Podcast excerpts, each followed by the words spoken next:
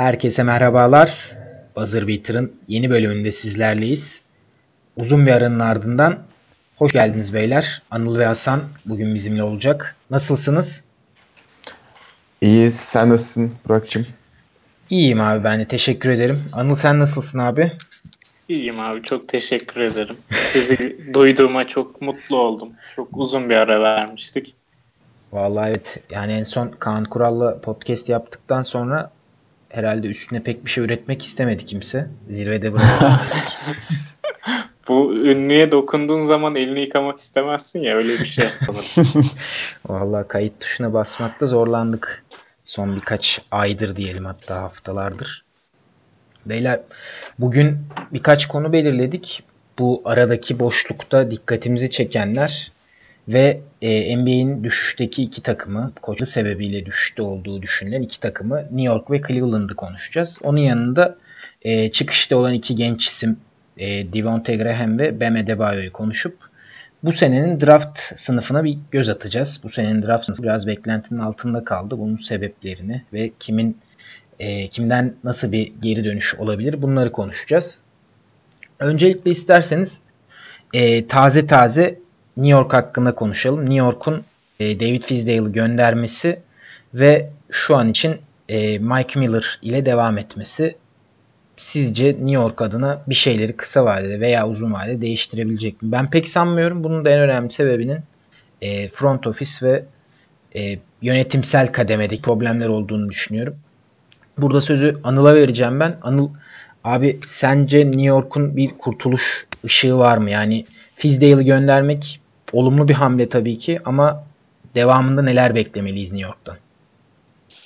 Abi Fizdale'in gönderilmesi aslında kovulmayı bu kadar hak eden bir koç için bence fazla bile destek buldu hani onun arkasında durulması NBA'de. Hem Greg Popovich'ten hem sanırım Steve Kerr'den destek açıklamaları geldi ama Fizdale bence işini korumak için gerekli hiçbir şey yapmadı ya. Yani New York'taki derecesi yanılmıyorsam 21 galibiyet, 83 mağlubiyet ve iki sezonda bu dereceyi alan her koç bu ligde kovulur. Hani e, durumdan bağımsız olarak takımın kadrosunun yeterli yetersiz olmasından bağımsız olarak bu dereceyle kovulursunuz. Bence bu kadar basit.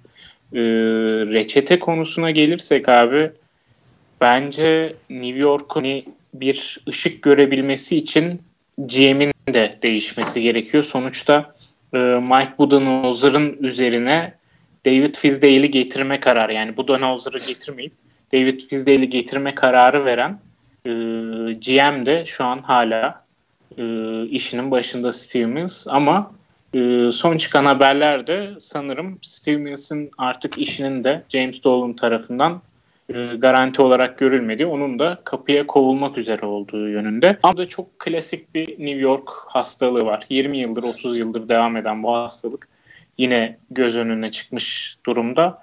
O da hayallere kapılıyorlar. Yani bir kişi gelecek bizi kurtaracak mantığı hala e, New York'ta değişmemiş durumda. Bu sefer de oklar Masai Ujiri'nin üzerine yönlenmiş durumda. Hani Ujiri gelecek bizi kurtaracak. İşte 2021 Giannis e, Ujiri ile bağlantısı sebebiyle e, böyle bir hayal durumundalar. Yine Ujiri'nin veya benzer bir GM'in ben New York'a e, gelme ihtimalini görmüyorum. Sadece belki Adam Silver duruma bir el atarsa, James Dolan'a bir danışmanlık sağlarsa ve araya girerse bu isimlerin New York'a gelip market değeri çok yüksek olan bu kulübü, bu takımı iyi bir raya oturtacak birini ancak Adam Silver aracılığıyla getirebilir diye düşünüyorum James Dolan. Onun dışında şu New York'a gelecek GM'in, iyi GM'in aklından ben şüphe ederim. Yani aslında abi durum şundan ibaret gibi. Önceki yıllarda iş biraz daha oyuncu bazında ilerliyordu. Şimdi biraz da GM'lere sataşmak istedi galiba New York camiası, New York taraftarları özellikle. Ee, ben de senin Mills hakkında söylediklerine katılıyorum. Hasan buradan sana pası şöyle atacağım abi. Sence peki New York'un elindeki oyuncular hani yönetimsel kademenin haricinde elindeki oyuncular e, ne vaat ediyor New York için? Hani birçok 4 numarayı topladılar takıma. Evet. Bir şekilde oynatıyorlar, süre veriyorlar, sakatlıklar oluyor vesaire. Süre buluyorlar ama e, New York'un camia olarak toparlanması için ellerinde devam etmesi gereken hangi oyuncular var sence? Takasla gönderilmesi gereken mesela Marcus Morris veteran ve bir yıllık kontratı olduğu için iyi de bir parça olabilir birçok contender için. Ee, onların gönderilmesi veya diğer gençlerin Kevin Knox, R.J. Barrett, Mitchell Robinson'ın önünün açılması sence hangi ölçüde gerçekleşecek? Yani koç değişikliği bunun e, bir sağlayıcısı olacak mı sence? Sen ne düşünüyorsun abi? Ya ben en çok koç değişikliğinin e, bu konuda fark edeceğini düşünüyorum. Çünkü benim e, David Fizdale New York Knicks'inde en çok anlamadığım şey bu e, genç oyunculara yeterince süre verilmiyor oluşu. Mesela Kevin Knox'ın e, geçen sezon 29 dakika olan ortalaması bu sezon 20'ye düşmüş. E, Mitchell Robinson geçen sene 20 dakika oynuyormuş. Bu sene yalnızca 1 dakika arttı ortalamaları. Ya gerçi o sahada kalamıyor falan. O tarz sorunları var onun. Ama e, yani bu tarz oyuncuları varken e, ne, e, hala işlevsiz veteranlarda ısrar ediyordu. Bunu anlamıyordum. Yani maçta kazanamıyor. Belli bir e, playoff yarışı içinde olma durumu da yok. Bunu hiç anlamıyordum ve bu konuda ben bir değişimin olacağını kesinlikle düşünüyorum yani. Hakeza mesela Alonso Trier geçen sene e, bölüm bölüm çok etkileyici performanslar gösterdi. Sadece 11 maça çıkmış. 13 dakika ortalaması var falan. Nilikina keza öyle. O da bir var bir yok. Bazı maçlarda hiç süre bile almıyor. Ee, o yüzden konuda kesinlikle bence bir değişim olacaktır. Ee, Fizdale'ın da ben gerçekten artık çok kötü bir koç olduğunu düşünüyorum. Yani bence o Memphis'teki hafif başarılı olan dönemi bir illüzyondu. Yani o oyuncu kadrosu e, çok iyiydi. E, ben çok geç kalınmış bile bir hamleydi bence e, New York Knicks açısından.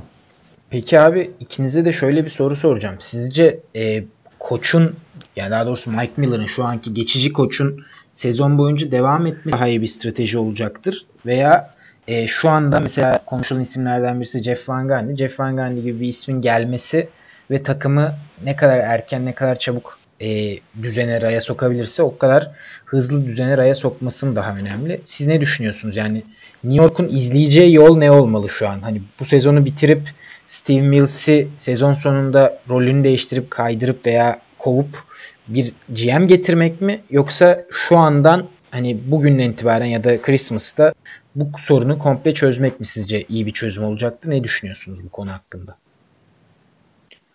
Abi yani büyük market olarak baktığımızda ligde iki tane büyük market var. Bu büyük marketinde dört tane takım var.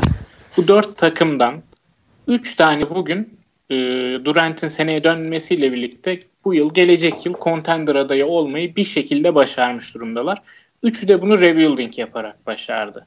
Başaramayan New York var. Yani elinde üç tane farklı yollardan bu rebuild'i başarmış ve e, o harcama gücünü büyük market olmanın avantajını bir şekilde başarıya dönüştürmüş takım var. Üçünden birinin stratejisini izlemelisi lazım artık New York'un. Yani hani bence bu üçünü birden gördükten sonra hiçbir bahanenin de arkasına sığınılabilecek bir durumda değil artık New York yönetim. Yani bak abi Brooklyn elinde hiçbir aset yokken e, Boston takasında bütün asetlerini kaybetmişken sıfırdan önce aset topladı. Topladığı asetlerle ilgi çekici bir takım kurdu. Playoff'ta ilk turlarda Philadelphia'yı zaman zaman zorlayabilecek bir hale geldi 2-3 sezonda.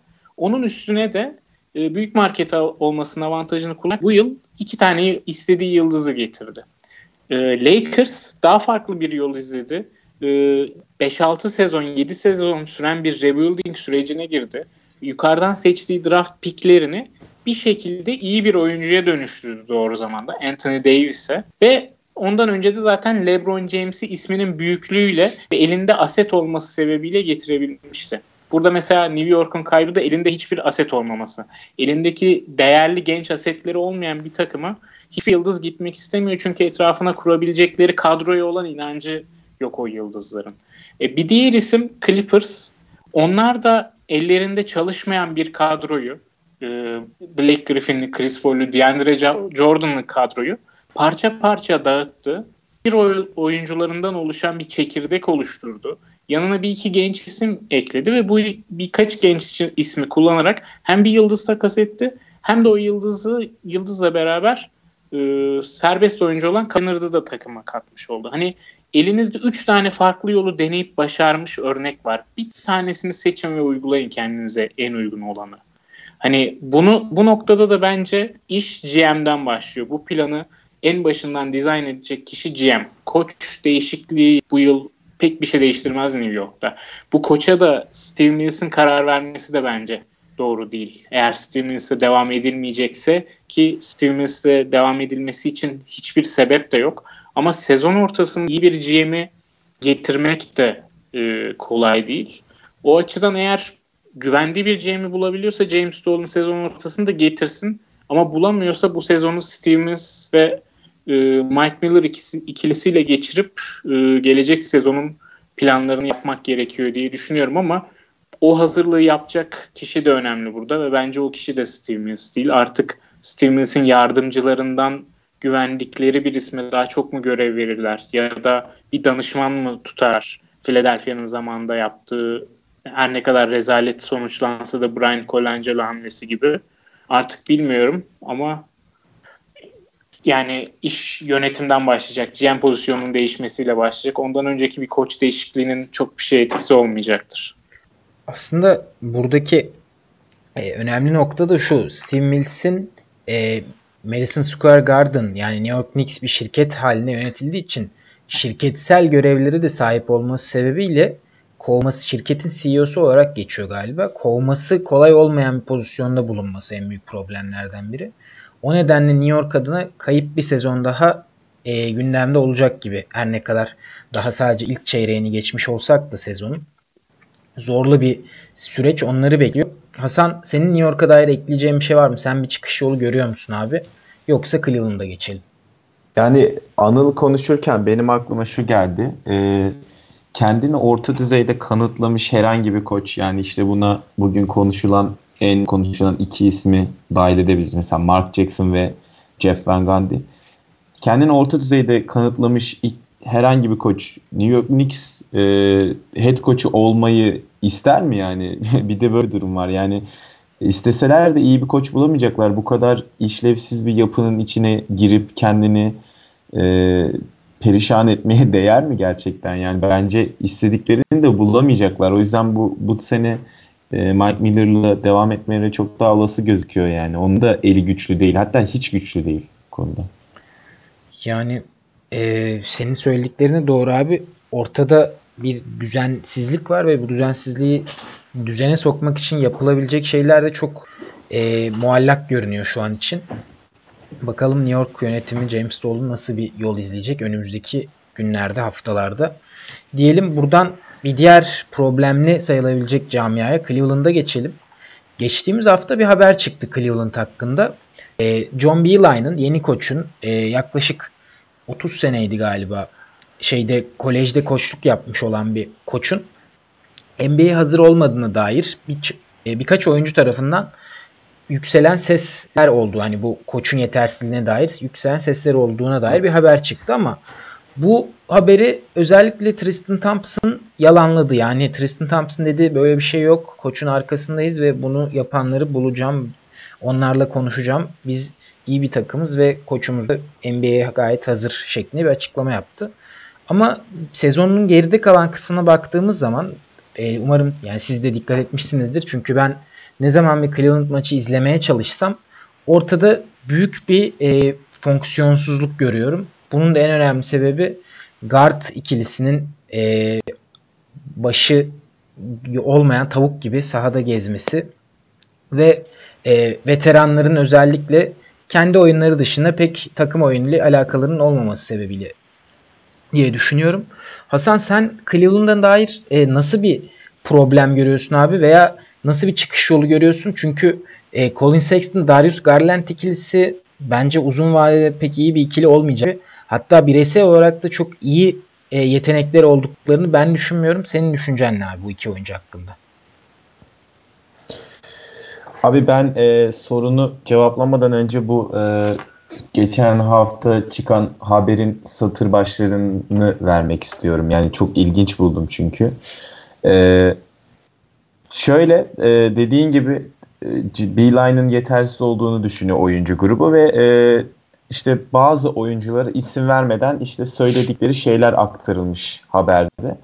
E, haberde mesela işte şunlar var yani oyuncuların Beeline ile ilgili rahatsız oldukları durumlardan birkaçı şöyle. İşte gereksiz yere mesela video izleme e, seansları uzatılıyor. E, basketbolun temel fundamentalları üzerinde NBA seviyesine durulmayacak kadar duruluyor. İşte bize çocuk muamelesi yapılıyor. E, hani hala 20'lerinin başındaki kolej oyuncularıymışız gibi. İşte e, sanırım setlerin garip garip adları varmış. Mesela hayvan adlarıyla adlandırıyormuş setler. İşte kutup ayısı, yok timsah bilmem ne. Hani e, profesyonel oyuncular bunları e, kaldıramaz artık. Hani bu tarz şeyler de oyuncuların sabrını taşırmış gibi ama bence e, her şeyden önce burada kesinlikle oyuncu grubunun yetersizliğinden kaynaklanan bir e, fonksiyonsuzluk var. Yani dediğin gibi gerçekten sahaya hiç hiçbir şey koymuyorlar herhangi bir alanda. E, şu an e, yanlış hatırlamıyorsam 28 ve 29. olmaları lazım e, savunma ve hücum verimliliğinde. E, bu da dediğin gibi yani şeyde bir söz vardır ya basketbolda Garden kadar konuş diye. Yani eğer Garden kadar bir sözü doğruysa Cleveland'ın söyleyecek hiçbir şeyinin olmaması lazım. E, Colin Sexton geçen sezon fena oyun olmayan dönemler oynadı ama hani bir guard için 2.4'lük bir asist ortalaması kabul edilemez bence. Yani yanına bir de 1.8 e, Tokay bekliyorsan. Garland hiç hazır değil bu seviyeye henüz. En azından 1-2 senesi var gibi gözüküyor. Çünkü bence modern oyuna uygun bir oyuncu.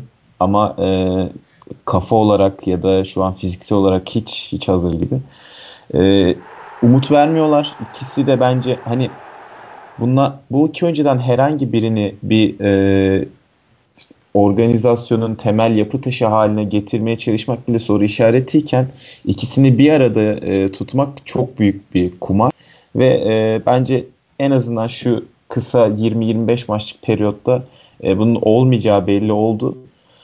E, o yüzden çok parlak görmüyorum e, bu ikilinin geleceğini ve Cleveland'da Cleveland'ın da daha Beeline'ın 5 yıllık bir kontratı varken ve işte hani biz rebuilding yapıyoruz e, genç oyuncularla çalışacak e, bu konuda tecrübeli işte yıllarca kolejde başarılı olmuş bir e, koçla yola çıkalım deyip 5 yıllık bir kontrat imzaladıktan sonra 20 maçın sonunda böyle bir e, haber böyle bir olay çıkması hiç iyi işaret değil yani. Abi e, yani beni de şaşırtan şey oldu zaten. 20 maçta bu kadar çok bu kadar çabuk tükenmeleri veya bu kadar çabuk ses çıkarmaları bana şu soruyu beraberinde getirdi. Yani ne bekliyordunuz ki? Hani bu kadrodan veya bu takımdan nasıl bir ışık veya nasıl bir pozitif yan bekliyordu oyuncular özellikle ki göremediler. Yani ben bunu anlayamadım. Bunu anlam veremedim. Anıl sana şeyi soracağım abi. Garland'i sen özellikle draft öncesi hani araştırmış takip etmiştin.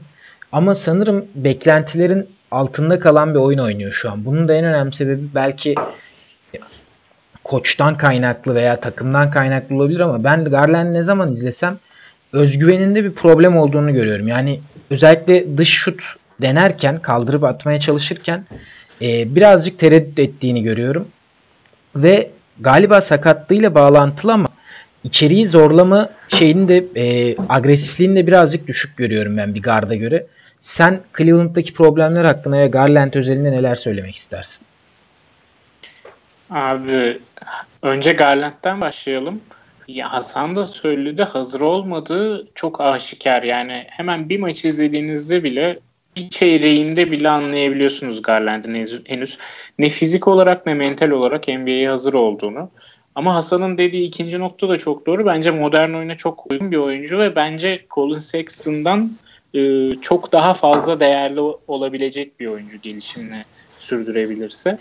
E, o açıdan hem geçen yıl Garland'ın kolejde 5 maç oynadığını hatırlatalım. Hem de yazı hem sezon öncesini sakatlıklarla boğuşarak geçirdiğini hatırlatalım. O yüzden hani ben hem Garland Sexton deneyini, deneyine bir yıl daha verebilecek e, lüksü olduğu için Cleveland'ın hani hiçbir yere koşmuyorlar şu an.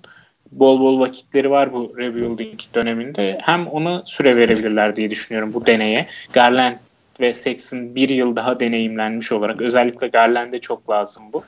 E, hem de e, Garland'ın bu bir yılı geçirmeye çok ihtiyacı olduğunu düşünüyorum özellikle fiziksel olarak. Pota altında bitirme konusuna gelirsek de hem fiziği uygun değil abi. Fiziksel olarak çok ince bir oyuncu Garland. Hem de bu e, sakatlıklarla boğuşmak olsun, yeterli tecrübeye sahip olmamak olsun. Bence o konuda önünde 4-5 yılı falan olabilir Garland'ın üst düzey bir noktaya gelebilmek için. Belki daha fazla, belki kariyeri boyunca hiçbir zaman potaya gidip rahatça bitirebilecek bir oyuncuya dönüşmeyebilir. Ee, en büyük soru işareti şu an Garland ile ilgili o gözüküyor. Elit bir oyuncu olması çok zor eğer oralardan e, yüksek yüzdeyle bitiremezse. E, Cleveland'ın kendi problemine dönecek olursak da abi Hasan e, haberin başlıklarını aktardı. Yani haberi ben ilk gördüğümde şunu düşündüm. Bu kadar şekilci bir oyuncu kadrosu yani set isimleri hayvan ismiyle adlandırıldı diye küsüp koçtan soğuyacak ve yok abi ben kutup ayısı setini oynamam bu ne böyle rakip oyuncular dalga geçiyor mu diyorlar yani nedir? Bahane yani bulamamışlar başka ya. Aynen yani bu kadar mağlubiyete bahane üretiyorlar gibi bir şey bu. Oyuncu grubu kendi yetersizliğini örtmek için. Yani haberde Byline'dan şikayet ettikleri konular ben çok zayıf. Ayrıca bu takımda NBA'ye hazır olmayan iki hatta Sexton'ı da birazcık kafa olarak oraya koyarsak üç oyuncu var abi. Yani e, video seanslarının uzaması, fundamental e, basketbol fundamental'ının öğretilmeye çalışması çok eğer e, mutsuzsan bu takımda bir veteran olarak takasını isteyebilirsin. Mesela Kevin Love'ın alttan alta yaptığı gibi asla takasımı zorlamam deyip ama aslında bir contender'da oynamak istediğini gibi ya da bu haberleri sızdırması gibi hani sızsan gidersin de koç hakkında böyle şeylerle e, örtmeye çalışmak kendi yetersizliğini bana birazcık e, çocukça geldi açıkçası. O açıdan bence giden de byline değil bu haberi sızdıran oyuncular olacaktır. E, veteranlardan benim aklıma gelen takasını isteyebilecek Clarkson var. Kevin Love yapmamıştır diye düşünüyorum ama e, onun dışındaki veteranlar aklıma da Cleveland'dan veteran gelmiyor ya şu an. Yani hani Clarkson da veteran mı yani? Hani yaş olarak olabilir de. yani Garland'den o seviyede bir hallice takım. yani oyun zekası olarak. Abi yani kendini bir contender'ın 6. adamı görüyordur belki. Birinci adamı da görüyordur bence Clarkson'a sorsan. e, abi Clarkson Dan başka Lerin e, şey pardon Tristan Thompson da var ama Tristan Thompson birazcık böyle gençleri sahiplenmiş gibi görünüyor açıkçası. Ben bu sene kontrat kovaladığı için tam kamuoyuna oynuyor yani. Hmm. Evet evet bence de lider hem sızdırıp hem de bunları söylüyor olabilir. yani tam nerede ne yapacağını iyi biliyor diyorsunuz. Yani kesinlikle şey ya. Ya kesinlikle Tristan Thompson yani olayın içinde oturmayan bir şeyler var ya. Olmamış bir şey var bu olayın basına yansıyan şekliyle. Çok çok boş haber yani. Yani ısmarlama bir haber olma ihtimali yüksek mi diyorsunuz? Ya gerçekleri ya. yansıtıyordur da çok zayıf o gerçekler. E, doğru elle tutulur pek bir şey yok ortada ama yani şu da bir gerçek ama Cleveland'da da işlerin iyiye gittiğine dair bir işaret de yok. Özellikle saha içinde. Yani evet. e, acaba söyledikleri şey ne kadar mantıksız görünse de doğru mu diye düşünüyorum bir yandan. Ya peki şöyle bir soru sormak istiyorum ben size. Diyelim ki bunlar doğru ve veteranlar bu takımda daha fazla zaman kaybetmek istemiyor. İşte Kevin Love'la o sözleşme imzalanırken e, beklenti de şuydu. 1-2 yıl içerisinde genç gelişimiyle ve drafttan seçeceğimiz oyuncularla playoff yapabilecek bir takıma dönüşebiliriz de beklenti ama bu beklenti çok çok uzak görünüyor artık. Ee, siz veteranlar konusunda ne yapardınız? Nasıl bir yol izlerdiniz Cleveland'da? İşte Clarkson takaslanabilir, Love takaslanabilir, Tristan Thompson kontratı bitiyor. Ee, ne yapardınız bu oyuncuları? takaslamak en iyi şey değil mi? Yani şöyle bunları açıkçası ben yani Sexton Garland ikilisine süre verilebileceğini pek düşünmediğim için mesela Love ile birlikte Sexton'ı da verip ya da farklı bir pakette verip hani daha iyi ve daha kısa sürede seni yukarıya taşıyacak bir oyuncu alabileceklerini düşünüyorum ama böyle bir paket bulmak şu an NBA'de biraz zor görünüyor. Çünkü NBA'de gerek takımların e, cap space'leri gerek oyuncuların e, sirkülasyonunu arttıracak şeylerin yaşanması şu an itibariyle biraz zor görünüyor. Çünkü bu yaz birçok takım o hamlelerini yaptı ve Love'ın gidebileceği yerler de sınırlandı açıkçası. Ya bana da birazcık şöyle geliyor. Buradan e, yaza kadar hamle yapabilecekleri iki ay var işte. Şu 15 Aralık'ta e, yazın imzalanan kontratlar da takası açık hale geldiğinde iki ay içinde hamle yaptın yaptın. Yoksa yazın hamle şansın çok kısıtlı duruyor. Acaba Love e, bir takım için yapılabilecek iyi hamlelerden biri mi yoksa kontratı çok mu e, pahalı size göre? Mesela Portland ismi çok geçiyor Kevin Love'la. Böyle bir olası takasa ne düşünürsünüz? Hasan mesela e, Portland için iyi mi olur, kötü mü olur? Carmelo ile birlikte Kevin Love'dır, Whiteside'dır, çorbaya mı döner? Ne düşünüyorsun abi? Ya bence ya ben de bugün o haberi okudum. İşte Love'ın memleketi olduğu için orada oynamak istermiş falan filan. Bu tarz bir haber vardı. Ama e, yani hiç Portland'ın aradığı parça değil bence ya. E, bilmiyorum. Yani Portland'ın biraz orada bir çember savunucusuna ya da savunma yapabilecek uzun boylu insana ihtiyacı var yani. Love bence o profile uymuyor yani. Abi kesinlikle haklısın. Ben de Portland'dan beklemediğim bir e, takas bu aslında ama bilmiyorum play kovalamak için yaparlar mı? Ya denize düşen yılana sarılır e, mantığıyla yapabilirler yani o panik butonuna basıp. Çünkü e, yani iddialı olabilecek fazla yıl yok önlerinde ve hani Kevin Love'ı işte Lillard ve McCollum'la birleştirip oradan bir şey çıkarmaya çalışabilirler yani. Yani ee, ben onlar adına işleri çok olumlu seyredeceğini düşünmüyorum ama zaman gösterecek. Çünkü NBA'de her an her gece farklı bir dramaya uyanabiliriz veya farklı bir dramayla karşılaşabiliriz. Deyip Cleveland'da ekleyeceğiniz bir şey yoksa buradan diğer oyunculara geçiyorum. Yok, Yok abi. abi geçelim. Abi e, konuşurken hani bu senenin dikkat çekenlerini bu sene e, kimlerin yükselişte olduğunu iki isimde üçümüzde karar kıldık. Birisi Devonte Graham, öbürü Bam Adebayo. E, bunlardan ben Graham'le başlamak istiyorum. Graham'in özellikle sezonun başında e, bir anda nereden çıktığı belli olmayan şekilde sezona girmesi, birkaç iyi maçın ardından Dwayne Bacon'ın tamamen rotasyonun dışına atması inanılmaz bir e, olaydı ve senle Anıl şeyde de konuştuk abi. Draft and Stage'de de konuştuk. Hani Terry Rozier'i niye aldık delirtecek noktaya getirdi neredeyse Charlotte Hornets'i. E, Graham muhteşem bir sezon geçiriyor. İkinci yılında sen de söylemiştin biraz yaşlı bir oyuncu hani Charlotte böyle bir oyuncu neden aldı ve ne gördü aldı derken bu sene bize kanıtladı açıkçası ne gördüğüm ne gördüklerini. E, siz Graham'in bu şeyini bekliyor muydunuz veya bir iki maç iyi oynarken de Vay, bu adamdan çok etkilendim dediniz mi? E, sizce Graham iyi bir takımın birinci, ikinci opsiyonu olabilecek seviyede mi? Ne düşünüyorsunuz abi? Anıl sana sorum öncelikle. Abi Graham şu an 24 yaşında. Hani çıkış yaptığı yaşı 24 olarak düşünürsek e, birazcık hani gelişimi için genel olarak basketbolcuların geliştiği yaşların artık sonlarına doğru artık pik yapacağı dönemlere geliyor ve yeni yeni adım atmış durumda aslında NBA'de anlamlı bir rolü olabilecek noktaya yeni yeni gelmiş durumda. O açıdan klasik olarak biraz acaba hani gidebileceği yer sınırlı mı diye düşünüyorum ama e, bir yandan da aklıma şey geliyor. Siakam'ın iki All-Star hatta yani zorlayabileceği MVP noktaları geliyor aklıma ve Graham'den de ben o kadar umutsuz olmamak gerektiğini düşünüyorum şimdilik. Şu an için Rozier hamlesini bayağı bir boş göstermiş duruyor aslında Graham.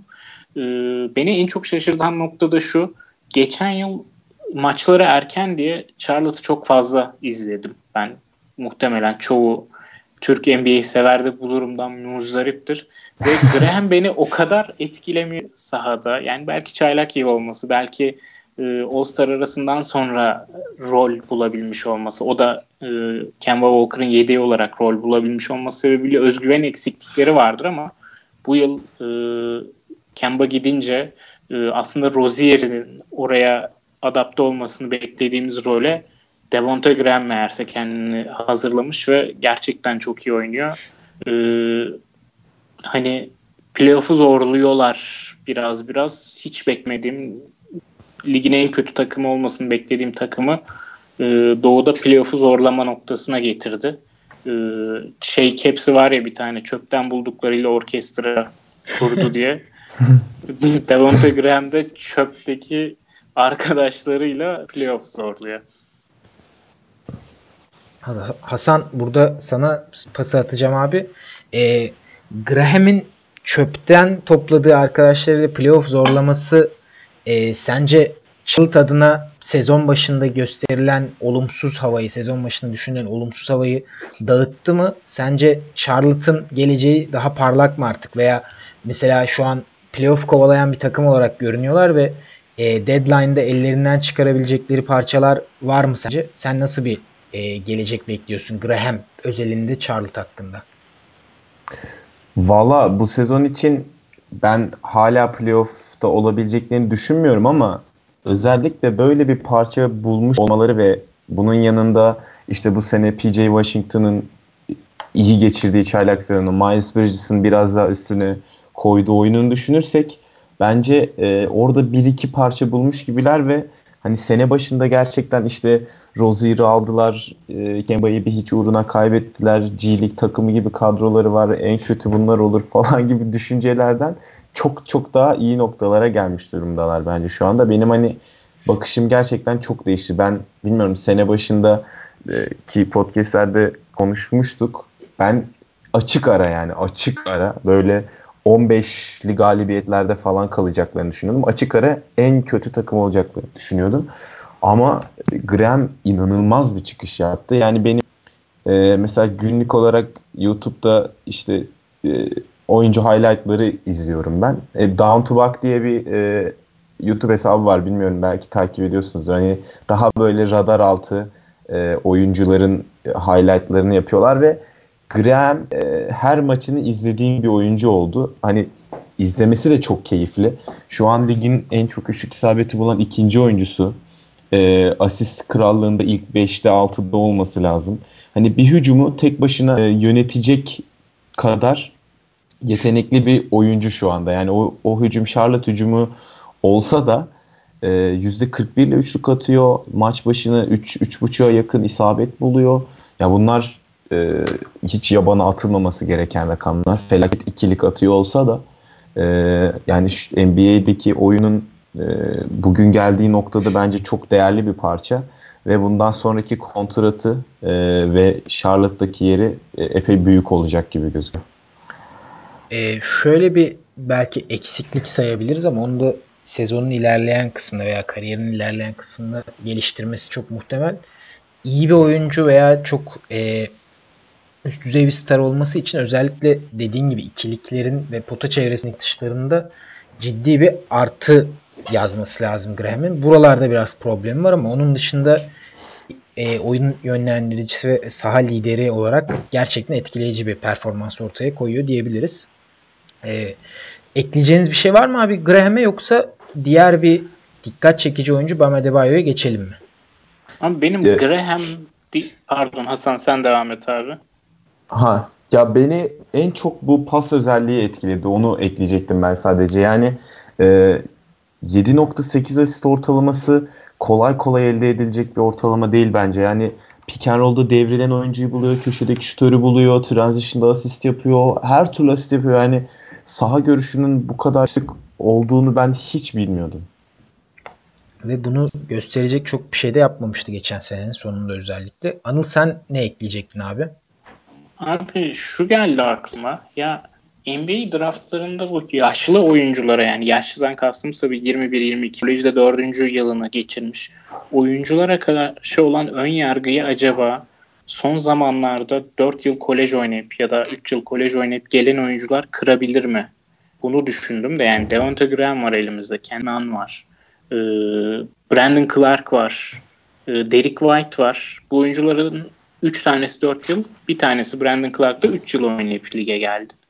E, şu an hani Brandon Clark'ın bu yılki draft önünden seçilen oyuncuların Brandon Clark'lar olabileceği bile yani meçhul bilmiyoruz ama Brandon Clark hazır NBA'ye hazır bir oyuncu olarak çok iyi bir rol oyuncusu potansiyeli var olarak geliyor ve bunu da ilk günden göstermeye başladı mesela. Yani aynı bunlar Devonta Graham için veya Kendrick Nunn için de e, geçerliydi ve gözlerden mi kaçtı acaba diye düşünmeye başladım. Belki bu algıyı değiştirebilir bu oyuncuların e, iyi oyunları. Aslında biraz da şeyi düşünüyorum. Çok mu erken reaksiyon veriyoruz, erken tepki veriyoruz diye düşünüyorum. Yani daha 25 maç oldu bu. 2019 draftına dair özellikle. Ee, acaba önümüzdeki senede benzer bir durum görebilir miyiz? Bu senenin çaylak sınıfının önümüzdeki sene sezona bambaşka girmesi bence anlatıyı büyük ölçtürecektir. Yani evet o da var ama yani çok iyi oyuncular çıktı ya kolejde 4 yılını geçirip de buralara gelip Kesinlikle. E, direkt takımlarına katkı veren oyunculara dönüştüler yani. Beni etkiledi bu oyuncular. Yani özellikle ön yargıyı kıran şekilde gelişti ve çıktı bu oyuncular. O önemliydi bence birçok takım açısından veya birçok NBA e, gözlemcisi açısından. Buradan Adebayo'ya değinelim abi. Adebayo e, beklentilerin üstünde oynuyor ama zaten beklentimizin çok da alçak olmadığı bir oyuncuydu. Özellikle e, Miami'nin Hasan Whiteside'i göndermesi ve onun sürelerini tamamen arttırmaya yönelik bir hamle yapmasından sonra e, çok iyi bir savunmacı, çok ciddi bir e, savunma potansiyeli ve bunun yanında çok da iyi bir pasör. Zaten iyi bir pasör olduğunu geçtiğimiz senelerdeki e, küçük anlarda veya böyle e, kısa sürelerde göstermişti ama bu sene kariyer sezonu da geçiriyor zaten. 4.1 asist ortalamasına sahip.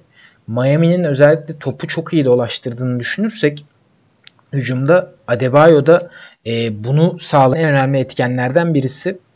E, siz Adebayo'dan benzer bir çıkışı bekliyor muydunuz? Yoksa e, sizin beklentilerinizin ölçüsünde altında üstünde nerede pozisyon aldı Adebayo bu senenin ilk çeyreği itibariyle?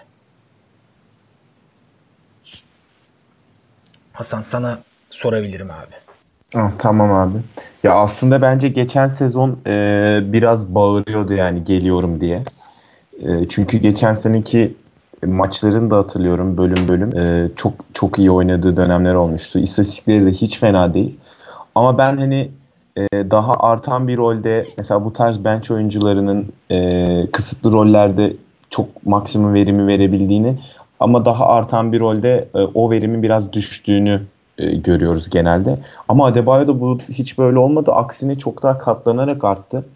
Yani oyunun her alanına katkı veriyor. E, yani yap, yapmadığı, yapamadığı herhangi bir şey yok sahada. Dediğim o topu çok iyi dolaştıran Miami hücumunun e, belki de yani Jimmy Butler'dan bile daha önemli bir parçası. Çünkü e, o tepede dirsekten attığı paslar, işte şutörleri buluşları çünkü etrafında genelde 3-4 şutörle oynuyor. Reboundları çok iyi katkı veriyor. Çemberi koruyor. Gerektiğinde yerden sayı atıyor. Yani çok çok büyük bir çıkış gerçekleştirdi ve e, hani şu an bugün bir All-Star oylaması yapılsa muhtemelen All-Star olmaz ama e, neden seçilmedi ilk konuşulacak oyunculardan bir tanesi olur. E, Adebayo'ya dair benim en çok ilgimi çeken şey de bu e, Basketball Reference'ın bir MVP tracker'ı var. Hı hı. E, takip ediyorsunuzdur belki. Yani sene başında oradaydı. E, yani yaklaşık bir 2-3 hafta öncesine kadar MVP Tracker'da 6. mı 7. mi neydi yani. Çok böyle bir şeyi herhalde geçen sezon birisi söylemiş olsa güler geçerdik yani.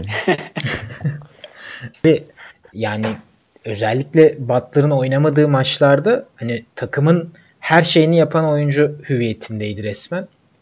Hem savunmada bütün kısaların uzunların switchle karşısında kalıyor. Hem hücumda topu dağıtan tepede dediğin gibi dirsekle topu dağıtan oyuncu oluyor. Ve bunu böyle mesela yok hiç gibi çok nasıl diyeyim e, ışıltılı, ışıltılı şekilde değil gayet basit şekilde yapıyor ve bence etkileyici kısım da bu biraz. Kesinlikle öyle.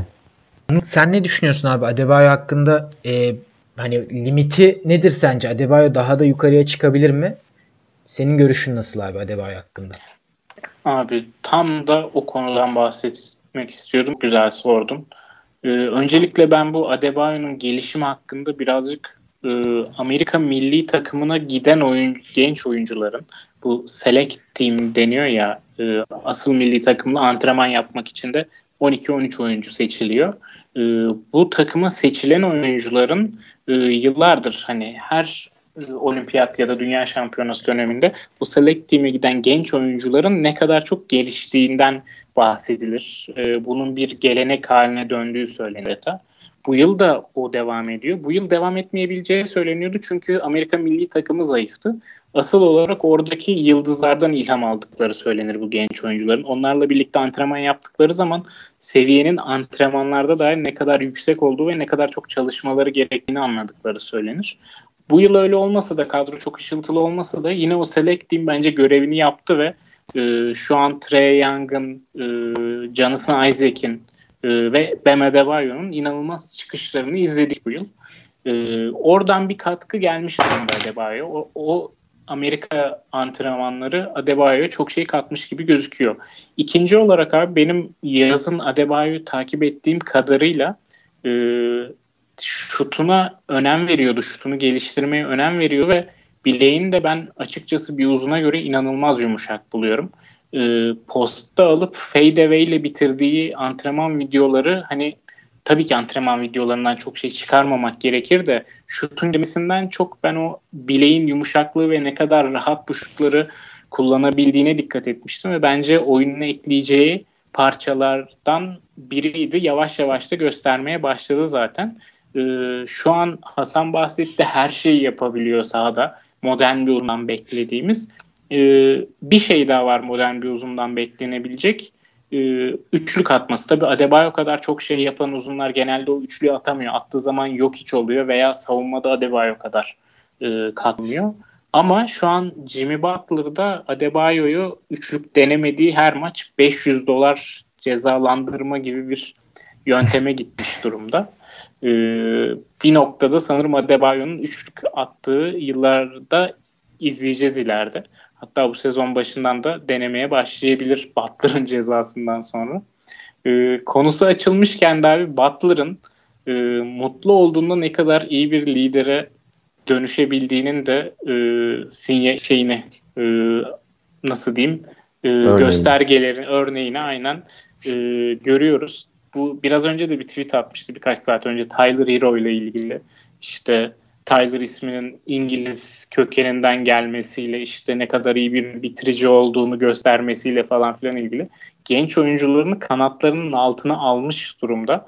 Ee, sezon başı kampında Dion Waiters'ı bile hayata döndürmeye çalışıyor yani.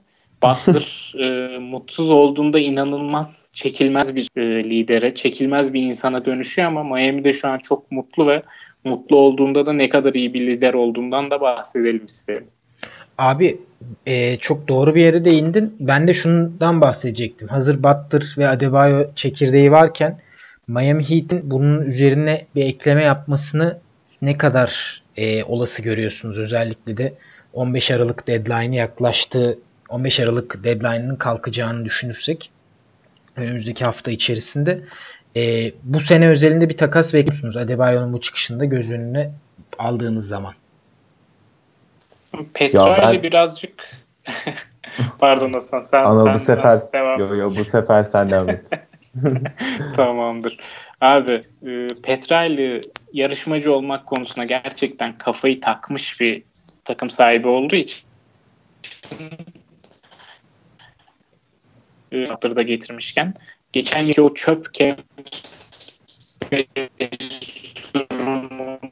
durumunda üçüncü de hatalar yaptığını gördük. Olinik kontratları, Waiters, James Johnson kontratları çok kötü kontratlarda sırf yarışmacı kalabilmek için. Hala cezasını çekiyorlar.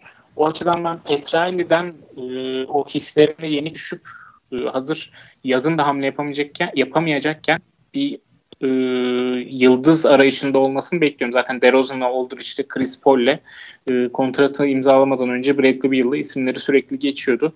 Açıkçası ben bekliyorum ama akıllıysa Petra'yla bizim düşündüğümüz kadar o kontratların 2021 yazına sarkmaması gerekiyor. Bu iki yıl için yapılabilir bir hamle ama e, bakalım göreceğiz. Ben bekliyorum ama umarım 2021 yazına kadar süren bir kontrat alırlar. Abi buradan Hasan sen konu hakkında bir şey söyleyecektin abi ama bir soru soracağım sana. Kevin Love sence olası mı? Bence e, olası hatta e, çok da güzel olur. Yani Kelly Olynyk'in e, upgraded bir versiyonu olarak çok çok e, cuk oturur diye düşünüyorum. Ama ben hani e, şunu diyecektim zaten ben Kevin Love ölçüsünde büyük bir hamle yapmalarını beklemiyorum. Yani bence şu an iyi bir şey yakalamışken ufak böyle kalibrasyonlar yapacaklarını düşünüyorum. Çünkü e, hani burada bir Jimmy Butler gerçeği var. E, şu an Jimmy Butler liderliği ele almış durumda ve işte yetenekli gençler var. Hani bu düzeni bozmadan Petrali'nin de hani çok star oyuncu sevmediğini, e, uluslararası oyuncu da sevmediğini çok biliyoruz. E, o yüzden ben çok ufak değişiklikler yapabileceklerini düşünüyorum. Mesela e, bir backup point guard'ı ekleyebilirler. E, işte mesela Kendrick Nunn'ın hani yükselen değerini e, piyasaya sürüp onun karşılığında bir şey almayı deneyebilirler. Ama hani Kevin Love ölçüsünde bir büyük takası girmelerini ben olası görmüyorum çok. Ben de şu an e, bir deneme yaptım ama yani şu an çok yüzeysel bir deneme bu. Sadece öylesine yaptım. James Johnson, Derek Jones Jr. ve Justice Winslow karşılığında Kevin Love takası size mantıklı geldi mi? Bana çok mantıklı gelmesi de şey açısından uyuyor. Cap açısından. Port, şey Cleveland çok razı olmaz gibi buna ya. Cleveland yani. daha mı fazlasını alır diyorsunuz diye düşünüyorsunuz Kevin Love için? Hayır daha yani fazlasından ziyade almış olurlar sadece bir tek. Oyuncu yani bir pik eklenmezse buna. Ha piki hiç saymadım ya. Pik eklemeyi şey yapmadım abi. Değerlendirmedim hiç çok pikleri yok zaten ya. Ya evet şey. Yani o yüzden razı olacaklarını düşünmüyorum ben de Cleveland'ın. Yani daha iyi dolayı. karşılığında daha iyi bir paket alabilirler belki. Winslow ve Garland Sexton ekibini yapmak istemediklerini düşündüğüm için ben biraz belki olmaz diyorum ama e, hani aklıma şu an anlık olarak gelen bir takastı bu. O yüzden kapatabiliriz diyorum bu konuyu. Hızlıca 2019 draftı ve e, bu draftta çıkan oyuncuların beklentilerin biraz altında kalmasını konuşalım dedik son olarak. E, beklenti altında kalmak demişken Anıl sen yayından önce bahsettin abi. Özellikle Zion Williamson'ın sakatlığı sonrasında draftın e, bir oyuncu ve arkasından gelen birkaç oyuncu kimliği birazcık değişmiş oldu. Çünkü o bir oyuncuyu franchise değiştiren, NBA tarihini değiştirebilecek bir teknik oyuncu henüz göremedik. Onun arkasından gelen oyuncular arasında da e, Memphis'te Morant'in yükselişi, Memphis'te Morant'in takımı taşıması dikkat çekiyor ve şu anda galiba yılın çaylağı için en büyük aday. Onun dışında kalan diğer oyuncular birazcık daha radar altında kalan oyuncular. Sen biraz önce bahsettin Kendrick Nunn özellikle fena başlamadı. Fena girmedi sezonu ama e, bence şu an iyi oynamasının en önemli sebebi senin de bahsettiğin tecrübeli olması ve e, yaşının getirdiği tecrübeyle, birikimle biraz daha aklı başına bir oyun sergiliyor olması. Burada draft sınıfına dair siz dikkatinizi çeken tecrübesiz oyuncuların özellikle beklentilerin altında girişi hakkında ne düşünüyorsunuz? Kimler sizce e, sezonun kalan 3 çeyreğinde toparlayabilirler? Anıl seninle başlayalım abi. Abi toparlama açısından yani bütün rookie'lerin e, görünümleri sezon işte o stası doğru gelince geç ondan biraz daha sonra sezon sonuna doğru diyelim e, artmaya toparlamış olmaya başlarlar ama bu rookie'ler bir ekstra kötü başladılar. Yani RJ Barrett şu an e, New York'ta tam bir keşmekeşin içinde o yüzden ona çok fazla e, bir suç bulamıyorum kötü performansıyla ilgili. E, Deandre Hunter keza yine Atlanta'da hiç beklenmeyen bir sezon açılışı yapmış genç bir takımın içinde. e, orada net bir veteran eksikliği yaşandığını da görüyoruz. Yani Vince Carter 3 veterana falan denk gelse bile etkisi tam olarak öyle olmuyor. Ee, onun dışında Garland hiç hazır değil dedik. Jared Culver'dan aslında Minnesota koçu Sanders çok iyi, çok umutlu bahsediyor ama o da şu an hem pot altından bitirme konusunda, serbest atış sokma konusunda, genel olarak verimlilik konusunda çok feci günler geçiriyor. Ee, gerilere doğru gittiğimde bir Cam Reddish çok feci bir sezon geçirme anlamında. Yani %25 ile mi ne oynuyordu en son? Ee, onun drafttan önce Duke'da gördüğümüz bütün kırmızı ışıklarını şu an için NBA'ye yansıttığını görüyoruz. Çok yüksek bir potansiyel var hala Reddish'te. Tabii ki daha 25 maç oldu ama şu an için e, o da pota altından bitirme konusunda özellikle çok büyük sıkıntılar yaşıyor. Bir tek bir Tyler Hero sanırım ilk turdan seçilip Brandon Clark'la birlikte olmak üzere ilk turdan seçilip de katkı veren oyuncular arasında görülebilir diye düşünüyorum. Zaten Hachimura'yı da sayabiliriz bence. G League'de. Hachimura'yı da sayabiliriz. Hachimura hatta bence abi beklentinin üstüne çıkanlara bile yazılabilir. Çünkü abi, o da hiç hazır değil gibiydi. Evet PJ Washington'da bence de atlamamak lazım ya. Washington evet. sezona çok iyi girmişti. Sonrasında biraz bocaladı ama son 1,5-2 haftadır falan biraz daha o sezon başı formuna yaklaştı. Evet ama yani e, nötr değil pozitif katkı veriyor şu anda Charlotte'a. Yani çok verimli oynuyor.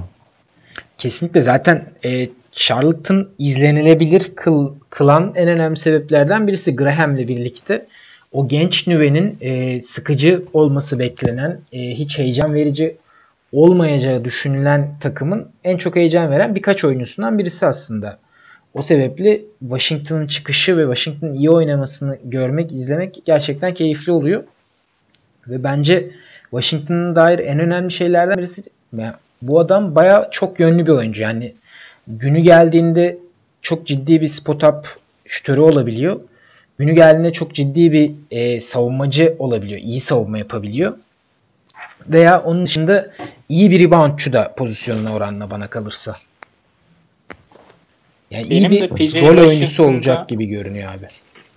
PJ Washington'da en sevdiğim özellik e, koçun James Oregon'un da bahsettiği bu 6-7 şu an yine kaça denk geliyor? 2-0-4'e falan denk geliyor boyu.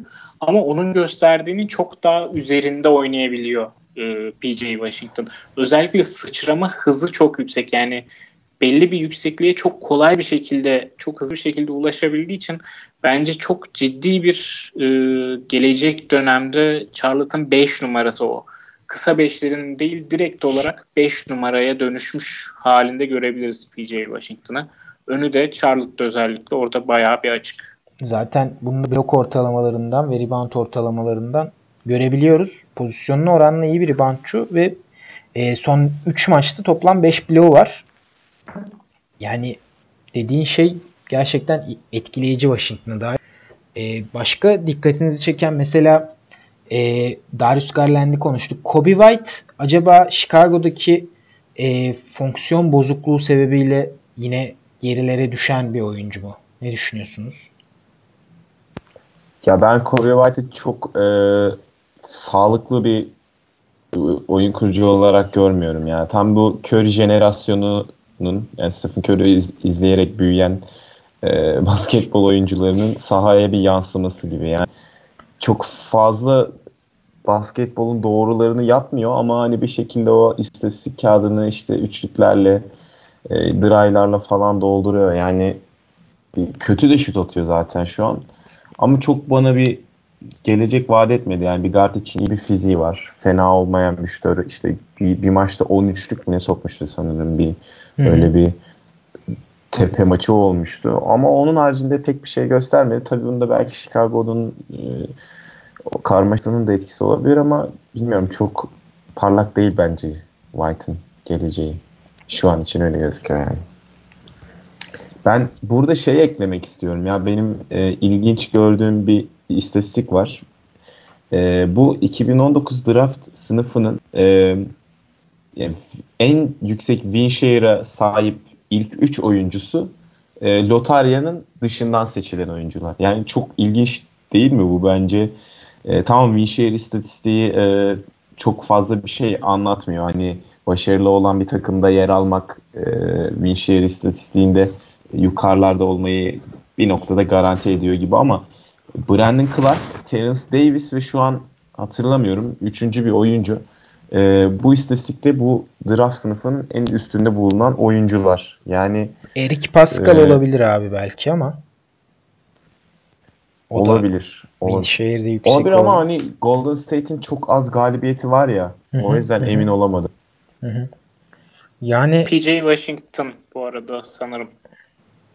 Şey şehirde en yüksek lotarya dışı dedi ya Hasan o yüzden şey yaptım. Şu an ben de ha, açtım ha. da PJ Washington birinci, Brandon Clark ikinci, Jackson Hayes üçüncü, Eric Pascal dördüncü sırada. Ama burada Terence Davis yok galiba şimdi Basketball Reference'daki şey.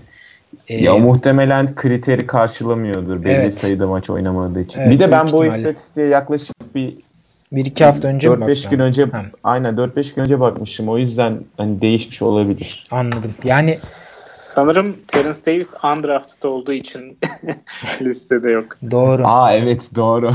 Doğru. İlk senesini geçiren oyuncular diye hemen o kriterden sıyrılabiliriz.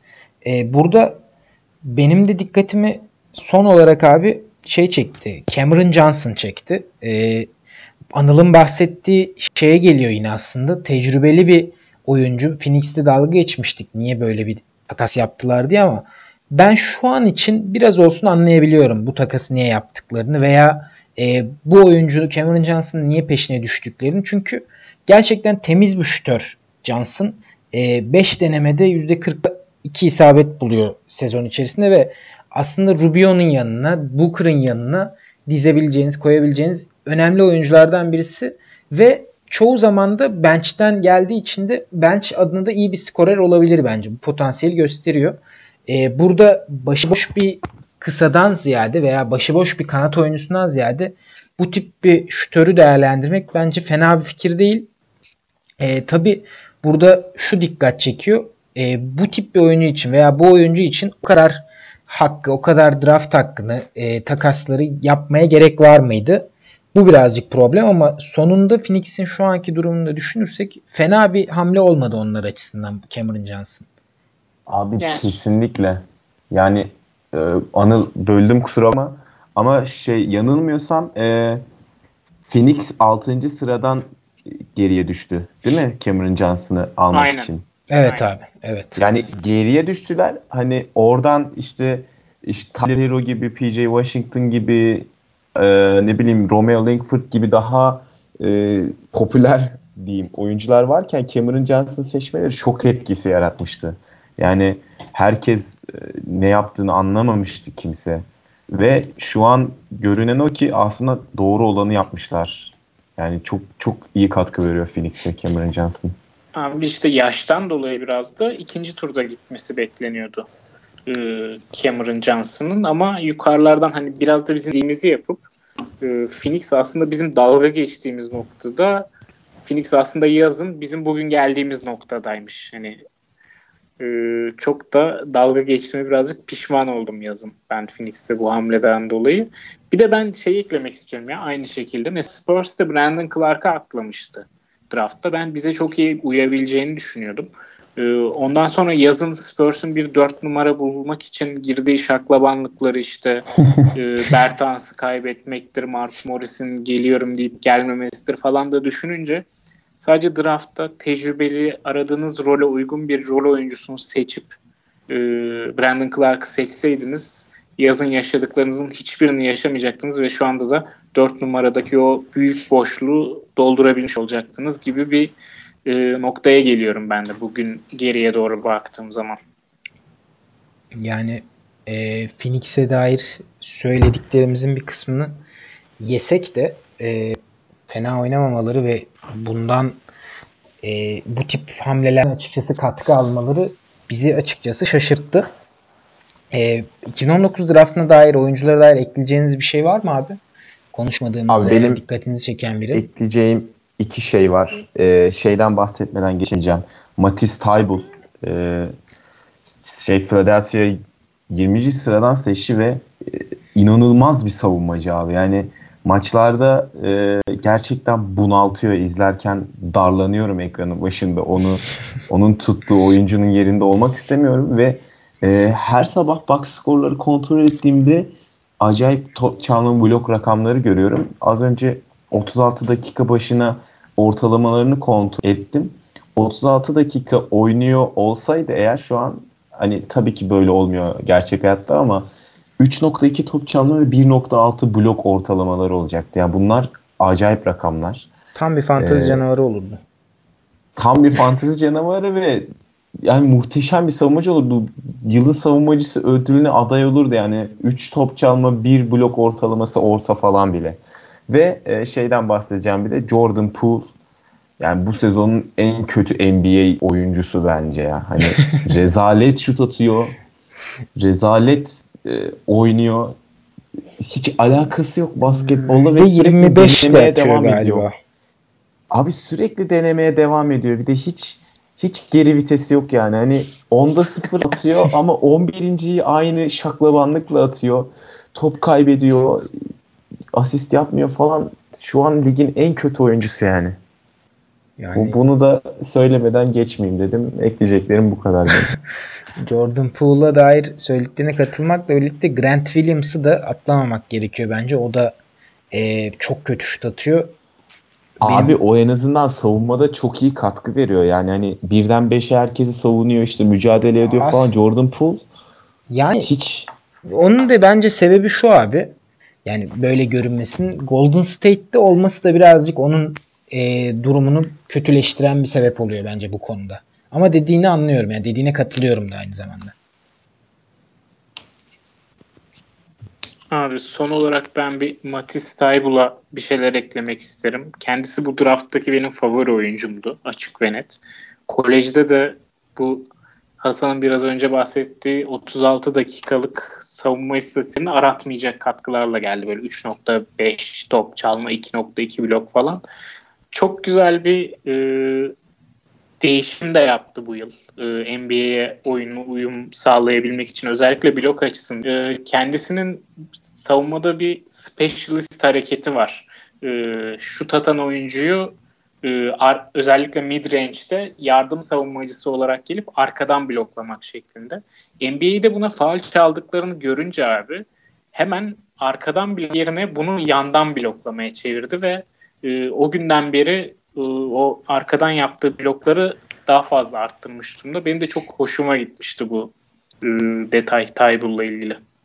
Akıl bir oyuncu olduğunun göstergesi bu da. Kendini e, değiştirebiliyor. NBA'de pek kolay gördüğümüz bir şey değil açıkçası. Özellikle ilk senesindeki oyuncular adına. O da işte evet. 4 yıllık tecrübesiyle geldiği için lige ya ben açıkçası Taybul'un gideceği yolu çok merak ediyorum. Gerçekten beni e, savunma potansiyeli korkutuyor yani. Hani şu haliyle inanılmaz bir savunmacı. Gerçekten kilitliyor derler ya hakikaten kilitliyor savunduğu oyuncuyu. Önümüzdeki senelerde işte e, hücumdaki rol arttıkça o savunmadaki eforundan, konsantrasyondan ödün vermezse e, hani yılın savunma takımında yer alacak bir oyuncuya dönüşebilir. Yani dakikalarında artacağını düşünerek söylüyorum tabii bunu. O yüzden onu konuşmadan geçmeyelim dedim. Valla e, konuştuğumuza göre ekleyeceğiniz de bir şey yoksa abi yavaş yavaş kapatalım derim programı. Yok abi ağzınıza abi, sağlık. Abi ağzınıza sağlık. Dinleyenlere de buraya kadar dinledikleri için tekrar teşekkür edelim. E, arayı umarım çok fazla açmadan önümüzdeki programlarda görüşmek üzere diyelim. Hoşçakalın. Hoşçakalın. Hoşçakalın.